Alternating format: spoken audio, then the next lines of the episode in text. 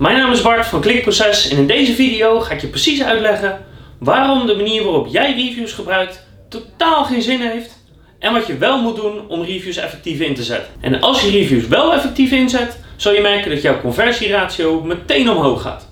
In deze video ga ik je daar alles over uitleggen. Ik ga je niet alleen vertellen wat reviews precies zijn en hoe je ze nu gebruikt. Ik ga je ook vertellen waarom dat niet effectief is en wat je wel moet doen om te zorgen dat mensen beter converteren. Nou, er zijn een aantal soorten reviews.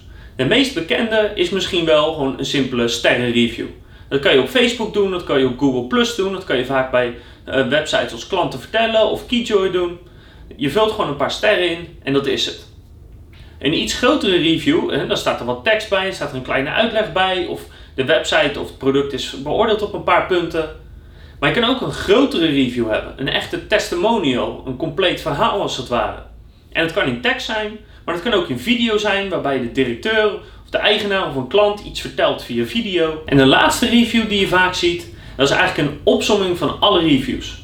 Dus wij als bedrijf hebben gemiddeld een 9,6 uit 1100 reviews. Nou, de eerste vraag is: waarom is een review eigenlijk zo belangrijk? Waarom is een review zo belangrijk voor iemand die op jouw website komt en misschien iets wil kopen of een offerte aan wil vragen? En dat is omdat diegene probeert te achterhalen hoe groot is de kans dat je daadwerkelijk dit gaat leveren of dit gaat doen en hoe blij zal ik daarmee zijn. Het is in feite een stuk onzekerheid, met name als ze jou niet kennen of het product niet goed kennen en ze willen gerustgesteld worden dat het goed gaat komen. En wat is nu een betere geruststelling dan iemand die hetzelfde is als de bezoeker, die met hetzelfde probleem zat, dezelfde actie ondernam en daar heel erg blij mee was. Dat is zo'n beetje de beste geruststelling die je kan hebben dat het goed gaat komen. Dus het neemt twijfel en onduidelijkheid weg en het trekt mensen over de streep doordat ze veel zekerder zijn van hun beslissing. Dus als je weet dat het belangrijk is dat die reviews twijfel moeten wegnemen, of dat die een specifiek bezwaar of tegenwerping die mensen hebben om iets te kopen weg moeten nemen, dan is dat precies de reden dat de manier waarop jij reviews gebruikt eigenlijk helemaal niet effectief is. Want wat doen de meeste mensen? Die gebruiken namelijk reviews redelijk willekeurig door de website. Dus ze hebben bijvoorbeeld altijd de nieuwste bovenaan, ongeacht of die goed of slecht is. Of ze hebben alle reviews met een hoge rating bovenaan staan. Of ze hebben de langste reviews bovenaan staan of de kortste reviews. En de plek van de reviews is ook willekeurig. Hè? Op, op elke pagina staat er één, of, of de, er, staat, er worden er een paar ingeladen die je met een slider kan je dan doorklikken om ze te zien. En ook de plek waar de reviews vaak voorkomen is niet echt over nagedacht. Vaak zie je reviews heel veel op de homepage terugkomen, terwijl als het goed is 70% van de mensen de homepage helemaal niet ziet. En als ze wel op een pagina staan, dan zijn ze bijvoorbeeld zoals hier, dat je met een slider door de reviews kan doorklikken, maar dat die eigenlijk gewoon wordt ingeladen. Dus dan heb je weer dat de nieuwste review getoond wordt of de beste review getoond wordt. Dan heb je ook nog het probleem dat heel veel reviews op elkaar lijken. En zeker als je het automatiseert, zodat hij ze automatisch inlaat, ja, dan weet je eigenlijk helemaal niet of uh, uh, hoe de reviews er precies uitzien. Het kan zijn dat ze allemaal redelijk hetzelfde zijn, zowel positief als negatief. Je kan er ook veel te veel hebben, dat je bij wijze van spreken een oneindige lijst met reviews moet doorscrollen waar je niks aan hebt. Dus al die manieren die heel veel voorkomen en die vaak platformen als klanten vertellen en Keyjoy ook aanbieden, dat is helemaal niet de beste manier. En een van de belangrijkste dingen om daarin te weten is dat het klanten vaak niet zo vaak uit, veel uitmaakt hoe oud een review is. Bedrijven willen graag de nieuwste review bovenaan hebben, want dan zie je dat het actueel is. En daar, ja, dat kan een beetje helpen. Maar dat is niet het echte doel van een review. Want als ik een dienst ga aanvragen en die dienst is onveranderd in het afgelopen jaar, dan maakt het mij niet uit dat er een review staat van een jaar geleden. Want het is nog steeds relevant voor mij. Dus er zijn een paar veel belangrijke criteria waarop je een review selecteert. De eerste belangrijke tip die ik kan geven is stop met het automatisch inladen van reviews. Want jij wil controle hebben over de reviews en het feit dat een review nieuw is, is niet zo belangrijk als dat jij denkt dat het is. Tip nummer 2. Ga beter nadenken over waar precies toon ik reviews. En er is maar één plek of één strategisch punt waar je reviews wil laten zien. En dat is namelijk waar de beslissing wordt genomen. En de beslissing om een product of dienst aan te schaffen is bijna nooit op de homepage. Sterker nog, het is zelfs bijna nooit op een categoriepagina. Het is bijna altijd op een productpagina of een landingspagina waar één dienst of één product wordt uitgelegd.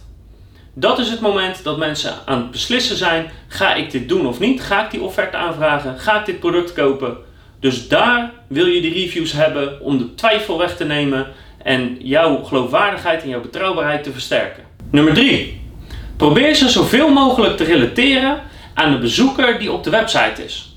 Dus als je een lokaal bedrijf bent, die bijvoorbeeld alleen in Rotterdam actief is, zorg dan dat er in de reviews duidelijk is dat een Rotterdammer de review heeft achtergelaten. Maar dat kan ook zijn op basis van de functie van het bedrijf.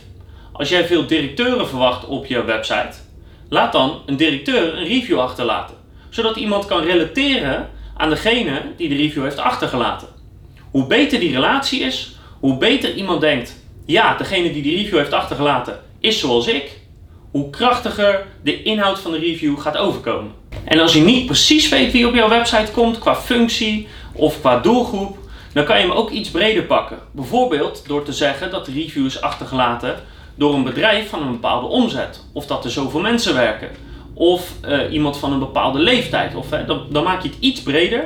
Maar je maakt het zo specifiek als dat jij het kan maken op basis van de gegevens die je hebt van jouw doelgroep. En de laatste tip die ik je kan geven is: je wil dat elke review één specifiek probleem, oplossing of eindresultaat weergeeft.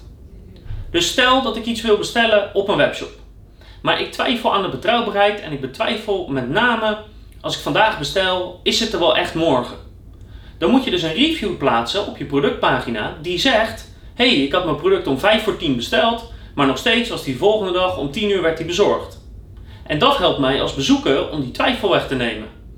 Maar als mensen over iets anders twijfelen, bijvoorbeeld over de kwaliteit van je diensten, of dat je wel betrouwbaar bent, of de snelheid, of wat het dan ook is, als ze een bepaald probleem als tegenwerping, als twijfelpunt hebben, moet je een review plaatsen die dat tegengaat.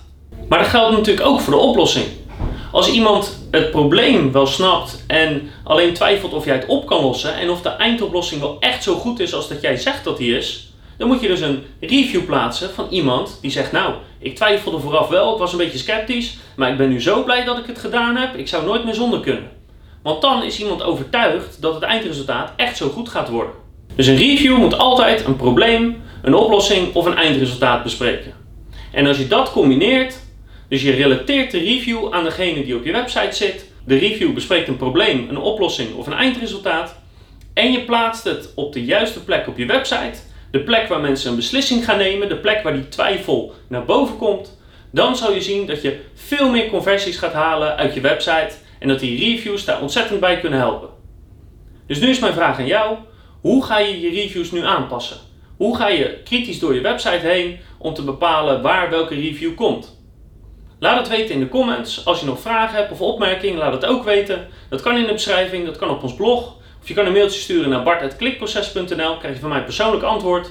En ik wens je heel veel succes met het verbeteren van je reviews en daarmee het resultaat van je website of webshop.